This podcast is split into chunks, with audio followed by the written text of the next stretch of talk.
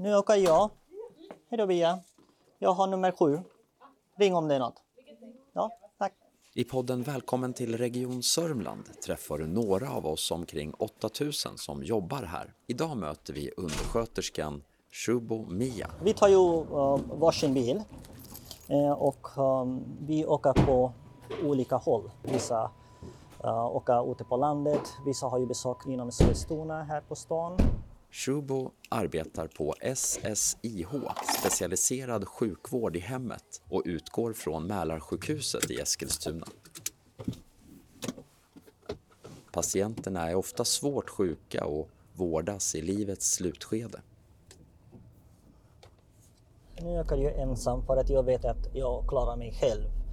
Och det beror på patients allmänt tillstånd. Ibland vi åker två stycken och ibland vi behöver ha hjälp av en sköterska. Då åker vi en undersköterska och en sköterska. Det är lite halt. Idag till exempel, jag började på en A-tur. Då börjar klockan sju på morgonen och slutar jag kvart i fyra. Ehm, och eh, jag har ju tre besök eh, på förmiddag. Nästan eh, 80 procent patienten är ju palliativ som vi tar hand om i hemmiljö. Eh, och i, den är ju i livets slutskede. Och vissa mår lite bättre än alla andra. Till exempel de kan ju sköta sig i stort sett själv. eh, och kanske behöver ha behöver lite smärtlindring och sånt. Men eh, många patienter är ju väldigt dåliga och behöver ha verkligen jättemycket hjälp på grund av de har ju väldigt mycket smärta, ångest, orolig och sånt. Och vi gör exakt samma som de får hjälp på sjukhuset. Smärtlindring, lugnande, i vissa fall vi tar hand om patienten med omvårdnaden, vi lägger om såret. Ehm, och ibland de behöver ha mera tid för att prata för att ibland de är ensamma. Ehm, och uh, den ensamhet också är en uh, störst frågan. Till exempel de är lite mera um, känner sig väldigt ensamma och tycker att livet har ingen mening än. Varför jag lever fortfarande? Mycket frågor som kommer. Uh, det har vi märkt många gånger. Uh, då jag åker dit och pratar med den patienten um, och försöker lugna eller ibland vi ger lite lugnande läkemedel också. Nu svänger du av här. Ja, grann. precis. Mm. Nu svänger jag av här och eh, jag ska till, jag har ju besök här till den patienten. Och här kommer jag byta någon plåster och den som vi gör väldigt eh, mycket och väldigt oftare och det är ju en väldigt, en, en väldigt bra läkemedel som patienter som har ju mycket smärta och vi byter ju morfinplåster, smärtplåster och de mår mycket bättre faktiskt med den eh, plåstret.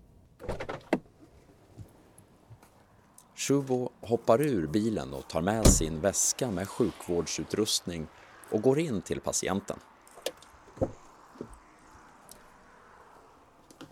På SSIH-enheten jobbar ett 30-tal personer. Förutom undersköterskor, sjuksköterskor och läkare finns också bland annat dietist, arbetsterapeut och kurator. Nu så.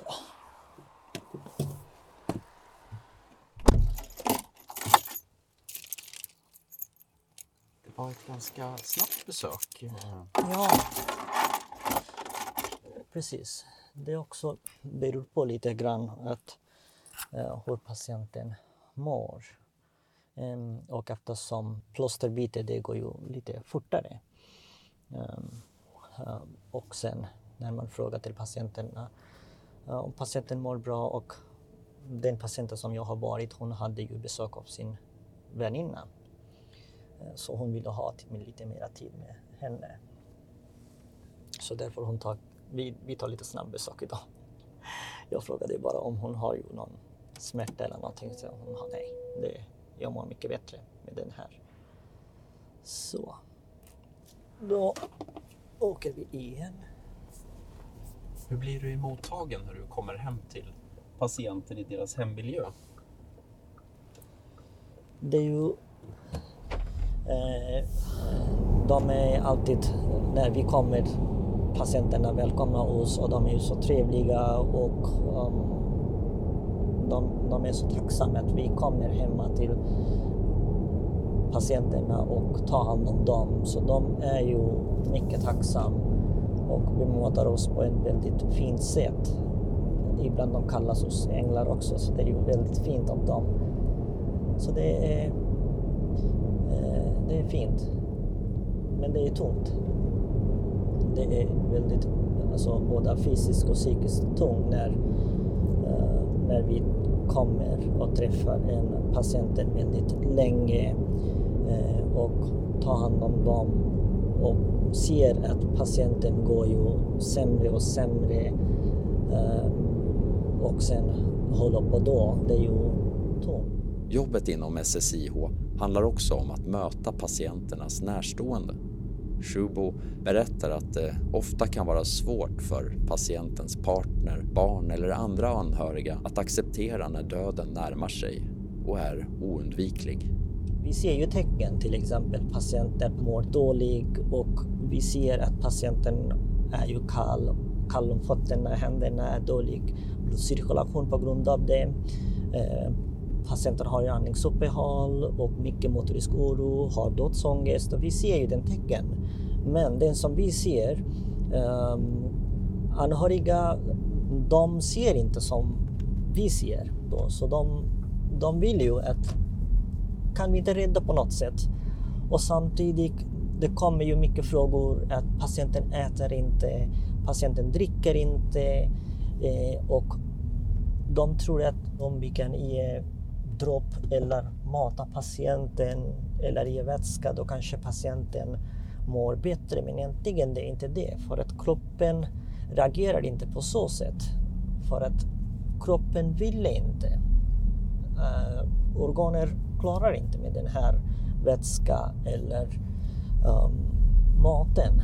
Så när vi säger att nej, men um, patienten kommer att dö på grund av sin eh, uh, grundsjukdomen. Så många accepterar inte och förstår inte den biten.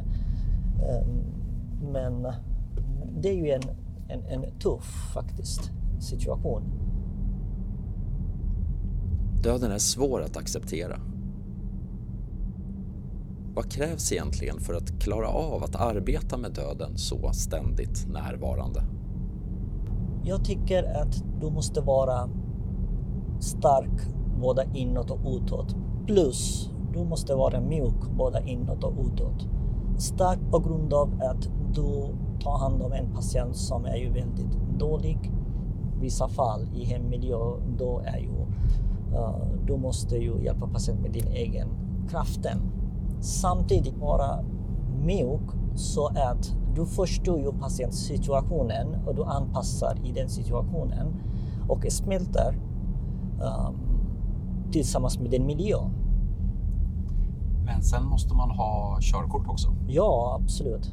Eh, för att vi åker ju hem och um, de måste köra bra för att vi åker ute på landet och där är ju små gator och trång. Så man blir proffs i alla fall på att köra bilen. Känner du dig som en taxichaufför ja, Det, det är ju det. det. Det är ju det. Men uh, samtidigt att uh, man, man lär känna uh, olika områden, olika gator. Då, sen man behöver inte ha någon GPS. Man har ju, man har ju sin egen GPS i hjärnan. Man vet att aha, den här vägen kan jag gå med kortare. Så nu kommer jag till den nästa patienten. Här kommer jag lämna lite läkemedel och nya ordinationslista som patienten ska ha och sen den gamla ordinationslista som jag ska lämna tillbaka till avdelningen.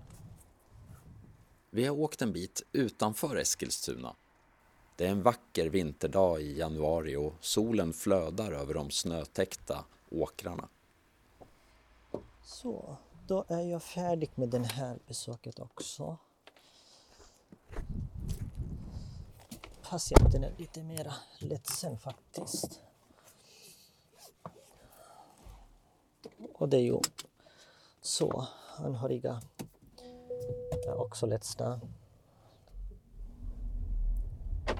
Patienten tycker att det, det finns ingen mening i livet. Alltså hon har ingenting att leva på. Det är tufft faktiskt. Jag förstår.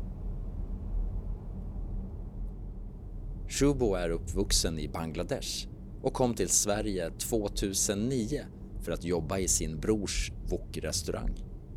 När jag kom till Sverige då hade jag arbetstillstånd och jag jobbade på eh, restaurangen. Eh, då träffade jag en undersköterska där på min restaurang. Eh, och jag vet inte hur hon, hon, såg men hon såg någonting i mig så hon, hon sa till mig du passar väldigt bra som undersköterska. Så varför kan du inte utbilda dig som en undersköterska? Jag visste inte alltså, vad hon har sett. Uh, och då började jag tänka på lite grann om den här. Innan dess då hade jag min lärare på när jag pluggade som svensk som andraspråk. Uh, eh, då sa min lärare också exakt samma som hon sa. Uh, då började jag tänka på eftersom de två börsen har redan sett någonting i mig. Och det var ju en, en, en bra beslut jag, jag har gjort faktiskt. Förutom att lära sig svenska behövde Shubo läsa in svensk gymnasiebehörighet innan han kunde påbörja utbildningen till undersköterska. Jag trivs jättebra som undersköterska och tar hand om människor. Så, nu är vi färdiga med våra besök. Ska jag ladda bilen bara. Och bilen är låst. Yes. Då så, då går vi in. Den här podden görs av kommunikationsstaben på Region Sörmland. Halloj! Jag är tillbaka. Gick det bra? Jag heter Per Hillblom.